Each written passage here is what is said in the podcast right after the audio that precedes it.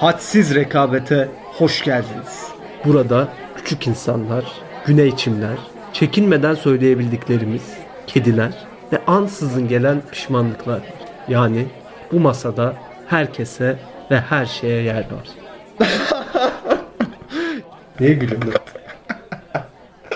ya ne alakası var ya? Normal program işte. Hoş geldiniz. Hoş geldiniz.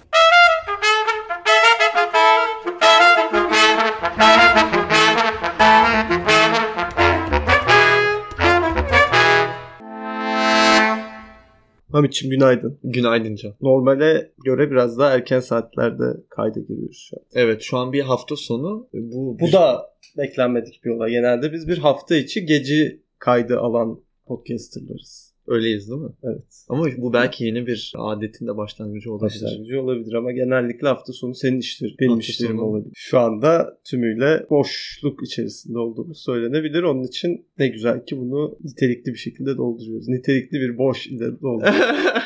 ama yani bizim keyfimiz fena olmasa bile iyiye gitmeyen şeyler var evet. ya bu şey virüs tekrar çok saçma değil mi? Ne güzel azalmıştı falan. Adamlar her yeri açtılar şu an. Rakamı bile açıklamıyorlar yani. İşte kaç kişi yatıyor kaç kişi. Adam artık saldı yani. İşte şeyler açıklanıyor. Bulaşık makinesi satışları açıklanıyor. Ama bunlar çok önemli. Sen şimdi bu insanları ben bu konuda yok işte dalga geçiyorlar. Bulaşık makinesi önemli mi? Buzdolabı satılmış ekonomi ilerlemiyor. Ben bence bunlar yanlış. Bence bulaşık makinesi ve buzdolabı ekonominin önemli göstergelerinden bir tanesi. lokomotifi midir? Tabii canım lokomotif. Bir buzdolabı alınıyorsa mesela içine yemek de koyman gerek. Aslında buzdolabı sattığın zaman diğer meslek kolları veya diğer pazarlarda ilerliyor. Çünkü buzdolabı aldın içi boş rahatsız olursun içine bir şeyler alırsın. Tabii. Buzdolabı aldın. Bir tek sen kullanıyorsun. Bir hanım bey bir şey alırsın. Evet. Ya bu böyle bir zincirin aslında ilk halkası. Zincirleme devam ediyor. Aslında birçok insan muhtemelen yuva kurmalarının altında yatan sebep beyaz eşya fiyatları olabilir. Çünkü bugün mesela sen bir ev arkadaşı arıyorsun. Evet. Kolay değil. Bir yol arkadaşı arasan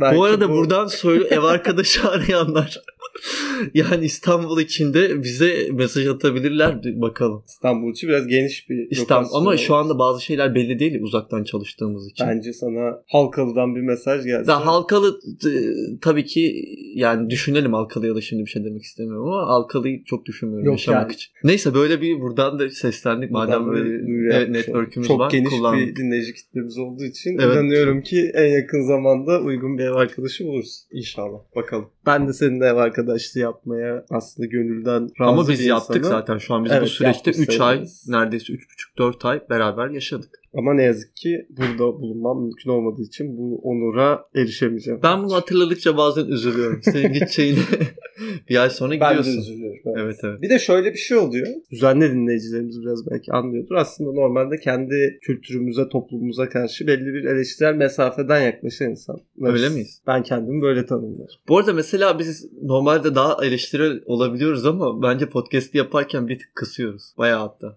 Tabii güvenlik kaygıları. bu arada bazı insanlar bilmiyor olabilir. Biz bu e, YouTube'da normalde ilk yayınlıyorduk e, bölümleri. Bizim ilk yayınladığımız videoda Sedat Peker değil mi? Tabii. Sedat Peker'le Önemli alakalıydı. Evet önemli böyle bir isim. Son zamanların gözdesi. Ve altında bize böyle tehdit mesajları gelmişti. Hatta Can'ın babası da böyle bir tedirgin olmuştu. Çocuklar siz ne yapıyorsunuz falan diye. Ama sonra biz Sedat Peker çizgisinden kayıp daha böyle Daha konularımızı en azından evet, milli cenaha çok sallamamaya başladık. Gerçi Karadenizlere sallıyoruz. tamam. Evet sen ne diyordun? bir şey diyecek. Bu arada bize bu mücadelede destek olan İrfan Aydın'a da teşekkür İrfan Aydın. Bunu anlamazlar ama ya. Orayı keselim. Şunu söylüyordum.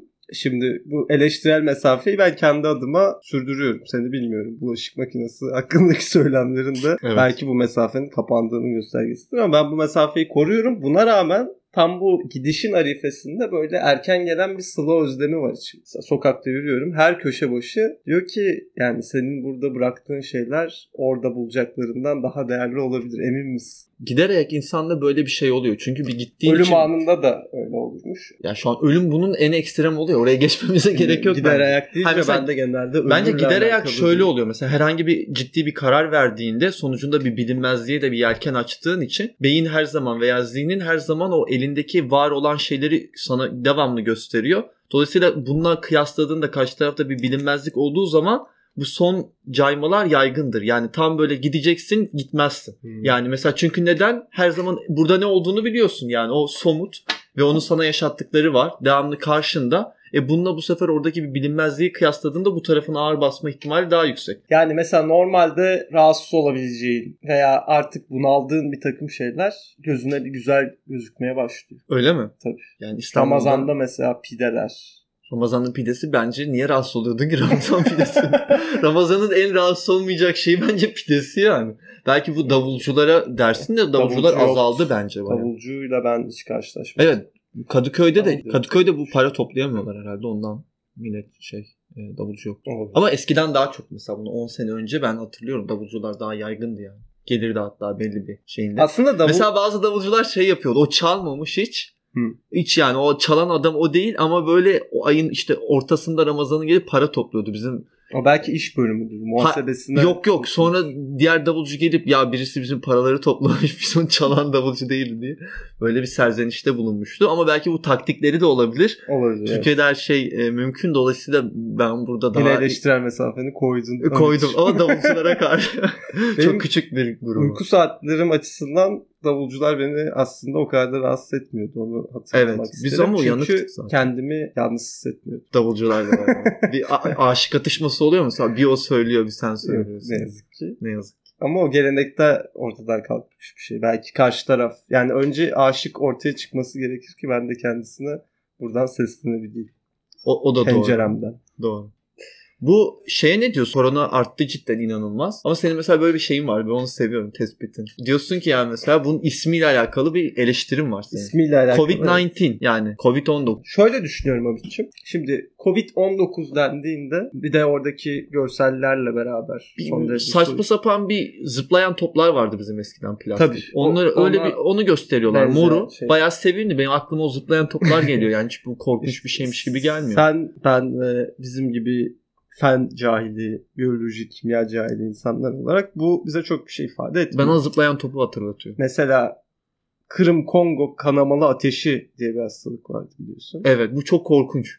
Burada yani ismini duyduğun anda bu hastalık Ürperti. diyelim senin ülkende olmasın. Sen işte İskoçya kırsalında yaşıyorsun ve keneler son birkaç yüzyıldır oraya hiç uğramamış. Evet, Onda değil. bile yani İskoç bir ablamız otururken şöyle bir kıçının Sağda solda bakar. oturacağı yere bakar yani acaba kene var mıdır diye bakar. Mesela şöyle bir haber alınsa İskoçya'ya Kırım Kongolu kanamalı ateşi geldi. Kongolu kanamalı ateşi deseler biraz aşırısa yükselebilirim. Öyle mi? Kongolu, dem- Kırım Kongo kanamalı. Ha öyle değil mi? Ama Kongolu... şey olabilir belki. Virüsün memleketi olabiliyor mu? Ya mesela bu Kongolu bu virüs. Bazı virüs bazı millete vurmuyor. Ama Öyle şeyler var. Mesela Ama bir dakika diyelim vurmuyorsa oralı vurmuyor. mıdır? Ya mesela diyelim Türk virüsü Türkiye yani vurmayan virüs senin memle- memlektaşın mıdır? Öyle olduğunu düşünebilirsin. Bence en azından sempatizanıdır. Şunu söyleyeceğim. Onun için mesela daha milletimizin bu bilince erişmesi, bu korkuyu daha net bir şekilde yaşaması için belki Covid-19 yerine bu Kırım Kongo kanamalı ateşinden feyz alınarak orada ne kadar korktuğumuzdan ve buna göre bilinçli davrandığımızdan feyz alınarak mesela işte Asyatik boğmaca kabusu denilebilir. Güzel. Güzel. Mesela bunu ben duysam Asyatik boğmaca kabusu Türkiye'de bir gerilirim. Kanamalı Çin ölümü denilebilir. Güzel. Bu da güzel. Bu tür hani e, unsurlarla desteklenebilir. Bence zaten en başından beri ismi böyle konulsaydı ve yani medyada böyle yayılsaydı şu an en azından bu ikinci dalgayı görmüyor olurduk. Doğru. Bir Kesinlikle. de bakanın şakalı tweet atma Bu bakanın şakalı tweetini ben hiç anlamıyorum ya. Kardeşim bizim ülkemizde yani stand-upçı eksiğini sen niye tamamlamaya çalışıyorsun? Tamam böyle bir eksik olabilir ülkede bir yani humor e, üretiminde bir sıkıntı olabilir ama Sağlık Bakanı olarak bu senin sorumluluğunda değil. Ya Evet, orada adam kariyer planlamanı ona göre yapacaksın. o şey olmuş şey ya arkadan danışmanlardan biri demiş ki bakanım demiş. Biz komikliği atalım ki millet şey yapsın. Bu nedense bu danışman diğer bütün danışmanları bastırarak Evet. adamın Twitter'daki o e, stilini tamamen etkiledi. Bu başta düşünülecek bir şey. Yani 30 yaşında, 25 yaşında kafanı koyup diyeceksin ki ben ne olmak istiyorum. Eğer ben komedyen olmak istiyorsam buna göre bir kariyer planı çizeceksin. Çizdiğin diğer planın içine onu sokuşturmaya çalışmak Hayır bir sokarsın da yani bir yaparsın, iki yaparsın. Yani olmuyor. Mesela hocalarda böyle durumlar oluyor benim gözlemlediğim. Hocalarda bir sürü içinde kalmış. problemler var. içinde kalmış. İnsanları güldürmek istiyor ve bu insanları artık öğretme arzusunun Önüne önüne, geçiyor. geçiyor. Özellikle böyle 50'lerin sonuna doğru bu daha O- ağır ama onu şey. şöyle de yaparsan hoca deri ceket giymeye başladıysa onun ayak izleri geliyordur. Evet, yani o daha işte turuncu, renkli. açık maviler Evet, falan bu geliyorsa şey demek yani espriler artacak. adam bozacak. Adam orada akademik beklentilerin daha dışında evet evet düşüreceksin. Orada artık işte diyelim 50 dakikalık bir ders saatinin minimum 15-20 dakikasını Şakalar, insanları güldürme. Şey. Hayır bir de şakalar Ki bu insanın şeyidir seni böldüm kusura bakma. Yani ben yaşlanmadım hayır. bu. bu. Ben sizi de güldürebiliyorum evet. ve ben komiyim. Yani. Ama buradaki sıkıntı şu ki genelde mesela sen bir diyelim stand-up gösterisine gidiyorsun. Orada stand-upçıya gülmek gibi bir sorumluluğun yok. Çünkü aranızda bir çıkar bağı yok. Yani paranı vermişsin Hmm, gelmişsin. hocanın oturuyorsun. esprisine gülme Hocanın bakalım. esprisine gülmek gerekir. Çünkü bir de şöyle olur yani şimdi Bak hocanın sen- esprisi sıkıntılar yaşadın daha önce. evet ben hoca bir hocayla sıkıntı yaşamıştım ama esprisine gülmediğim için değil Bilmiyorum yani. yani. Bundan sonra master yaşamında esprilere gülmeni tavsiye ediyorum. Evet yüksek lisansta. Her türlü espriye gülünür. Bu arada ikimiz de yüksek lisansa başlayacağız herhalde. Evet. Hadi bakalım. Aramızdaki iki senelik farkı kapattığım bir moment oldu. Evet bu seni tebrik Üzülüyor ediyorum. Yo, ben üzülmüyorum. Ben, karar, ben kararımdan... Gerçi gençleşmiş sayılırız. Evet ben tekrar oku akademiye Evet, dönerek bir şey yapıyorum. Hamle. Hamle. Dolayısıyla bu adamın ben neden espri yaptığını anlamıyorum. İki espriler o kadar komik değil. Ya bir de üç tadında tadında bırak yani. Bir yaptın, iki yaptın tadında bırak. Evet ama espriler o kadar komik değil de kendine göre söylediğim bir şey. Çünkü şöyle bir şey oluyor. Bir yaş grubundan sonra bu mizah anlayışı da iki ayrı yere fırlatılıyorlar. Yani mesela döneminde çok komik görülen bir insan bugün Dinlediğimiz böyle zaman. uzun süre konuştuğunda falan acaba yani bunun neresine gülünmüş diye. Ama şöyle oluyor. Bir mesela aynı kişi yani eskiden mesela kitleleri güldüren insanı bugün espri Kitleleri güldüren devrimdir Amit. Allah Allah. Böyle şeyler demiyorum. Milli Cenah'la daha yeni barıştık. Tehdit mesajları tehdit mesajları kesilmişti. Yok şunu demek istiyorum. Mesela diyelim ki zamanında cidden çok komik sayılan bir adam veya bir kadın şu an espri yaptığında gül, gülmememiz daha olası yani aradan belli bir Evet. zaman geçtikten sonra. iki şu da var. Zamanında yaptığı insanların güldüğü şeyi dinlediğimizde de biz gülmüyoruz. Evet. Mesela Şimdi Cem Yılmaz'ın zamanında milleti kırıp geçirdiği ilk işte bir tat bir doku bilmem ne falan var. Ben şu an dinlediğim zaman bazı yerler ya neler oluyor bu komik mi bu denir mi tarzı. Dolayısıyla bağlam çok önemli. Ya esprinin yapıldığı kime yapıldığı ne zaman yapıldığı nasıl yapıldığı kim tarafından yapıldığı onlar değişince de çok ilginç bir şekilde bütün o komedi unsurlarını yitiriyor. Belki cringe Bunu işte yakalayabilen kişilere de saygı duruşunda bulunmak gerekir. Mesela için başka bir bölümde bahsetmiştik. Okan Bayülgen. Kambogya'na saygı duruşunda mı duruyoruz? Estağfurullah asla. Farklı sebeplerle asla. Komedi açısından da asla. Ama benim için mesela yetişme sürecimde önemli bir insandı. Bugün evet sen bundan bahsetmiştin. bugün için benim kendisine tahammül sürem bir buçuk dakika falan. Gene iyi veriyorsun 90 saniye. Ee, o kadar dakika. hukukumuz var. Pipto'yla daha fazla konuşacak şeyim var Okan Bayülgen. Pipto bir kere sevimlidir. bu arada bu Pipto'yu bazı insanlar tanımıyorlar. Pipto bizim evcil hayvanımız. E, civciv. Kendisi de bizim Instagram'ımızda storyleri var. Oradan e, bakabilirsiniz. Tabii. E, işte küçük maceralar. Böyle bir şey. Pipto'nun reklamını yaptım. Pipto da şu an karşımızda bize bakıyor, Evet. dinliyor hayvan. Mahcup oldu. Evet mahcup utandı yuvarlanıyor şu an sağda solda. Sen dedin ya hani e, bazı insanın aklında bir komedyenlik olmuş olsa iyiydi. Bu ya buradan girsin ya da sonradan içine çok katmasın dedin. Evet. Mesela bu belki Sağlık Bakanımızın aklında da hep ben bir komik olayım, bir komedyenlik kariyeri de düşünüyordu. Olabilir. Ama evet. hayat onu bir e, hastaneler sahibi zinciri ve daha sonradan Sağlık Bakanlığı'na ittiği için çok bu geride kalmıştı. Olmuş. evet büyük kayıplar Büyük yaşamış. kayıplar. Şu anki hali içler acısı. Ama aklında da hep olduğu için belki o şimdi ara ara zuhur ediyor. Hani böyle Ben de bunu yaşıyorum ama senin daha, böyle planların mı var? daha doğru bir zamanda yaşadığımı inanıyorum. nasıl Çünkü nasıl yani? bu tür yol ayrımlarına belli bir noktadan sonra girdiğinde genelde boşanırsın. Boşanırsın. Veya işte mesela elinde kolunda ne varsa alıp kumar oynamaya, seni kötü adetlere sevk eder böyle. Yani Ama sen şundan bahsediyorsun. Yani yola girdikten sonra yoldan Şüphe etmeyeceksin ki. Sen bir hayal kırıklığının getirdiği etkilerden bahsediyorsun. Evet. Yani şu an gittiğin yolda o kadar mutlu olmadığını fark ediyorsun. Evet. Ve diğer yola girseydim acaba ne kadar mutlu olurduğundan daha ziyade orada da çok çok mutlu olurdum. Keşke girseymişim diye Tabii. Bir depresif hale ve bunun sonuçları değil mi? Aynen Böyle bundan anladım. Evet. bahsediyorum. Bunun için benim önerim artık belki Fahrettin Bey için birazcık geç. Fahrettin Bey bence şu an bizi kaybediyor ya. İnsanın kendi yaşamında böyle tek yollu, tek hatlı ben şu olacağım, bu noktaya gideceğim deyip buraya ulaşma çabasından ziyade belki birkaç yolu aynı anda koşmaya çalışmak veya en azından kendisine gelecek planları yaparken farklı noktalara da varabileceğini baştan kabul etmek. Yani opsiyonları açık tutuyoruz. Opsiyonları açık tutacaksın. Bunları hiyerarşik şekilde dizebilirsin. Yani benim mesela bir A planım var. Senin A planın akademisyenlikten devam etmek. Değil Buna mi? indirgemek istemem ama Ya gayet böyle, öyle. böyle ifade edilebilir. Ama bir B, C, D, E planlarım da var ve bunların hepsi de aynı ölçüde olmasa bile beni mutlu edeceğini biliyorum. Bu arada bizim şimdi yeni bir planımız da var. Biz sabahları Can'la yu- yulaf e, yulaf tarifimiz var. Yani yulafı sütle e, pişirip Ama bunu söylemiş. Hayır bunu niye canım biz burada takipçilerimizle her şeyi paylaşıyoruz. Sabahları mesela bugün de yedik. E, yulafı işte sütle e, pişiriyoruz içine muz. E, bugün neler? Armut, incir, Bugün girmeyen çok az şey var. fıstık ezmesi. Ben bazen bitter çikolata da atıyorum. Neyse inanılmaz lezzetli güzel bir şey oluyor ve hani sağlıklı.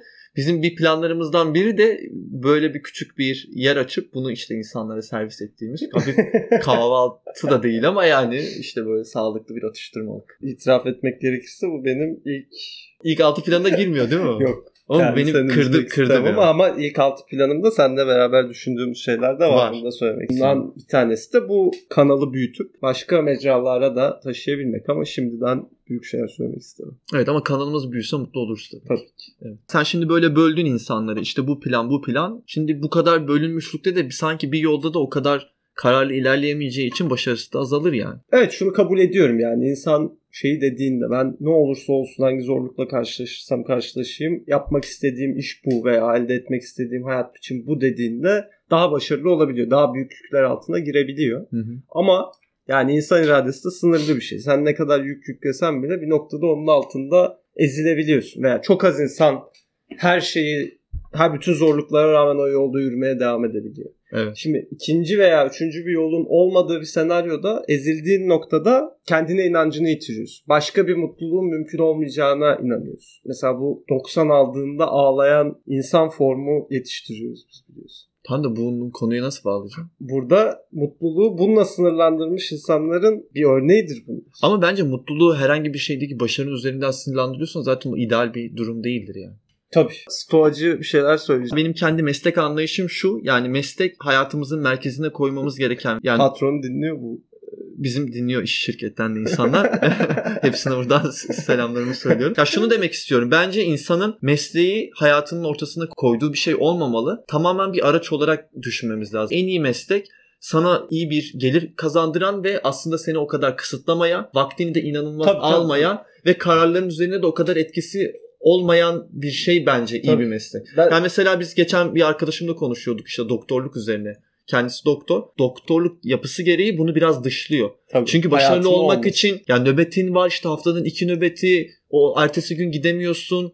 Çalışma şartların zaten hastanede mesela seni kilitliyor. Başarılı olmak için inanılmaz çalışman lazım. Ve işte sınavını ayrı kazanıyorsun, TUS'unu ayrı kazanıyorsun. Ve her zaman şunu da biliyorsun yani ben zaten doktorlukta bu kadar başarılı oluyorsam başka bir meslekte de gayet Evet, başarılı evet. olabilirdim. Dolayısıyla mesela bence insanların da yani bu aralar bir de tercih dönemi bilmiyorum biz de hani o kadar e, e, O yaş grubuna o yaş grubuna seslenebiliyor muyuz? sesleniyor muyuz bilmiyorum ama belki çevresinde olan insanlar da vardır. Ya şunun fark edilmesi lazım yani mesleğimiz bence bize ne kadar özgürlük alanı sağlıyorsa ve aynı şekilde de maddi olarak da bir özgürlük alanı sağlıyorsa bence iyi bir uğraştır ve tabii ki yapmaktan İnsanlara da bir- doktor olmayın gibi bir tercih tavsiyesinde Bu arada ben insanlara doktor olmayı yıllardır söylüyorum. Doktora bu kadar ihtiyaç duyduğumuz bu zamanda Hayır bak doktor beraberlik elbette birileri olsun ama şeyler. sen olma yani. Hani mesela sen olma. Sen olmasan da çünkü birileri gidip e, şey diyecek yani ben bu başarıdan haz alıyorum. İşte bu doktorluğun getirdiği statü beni çok mutlu ediyor. Böyle insanlar çıkacak ama bence dediğim gibi bu ideal bir şey değil ve bence bu mutluluk da kaliteli bir mutluluk değil yani. Seni oraya kısıtlandıran bir mutluluk.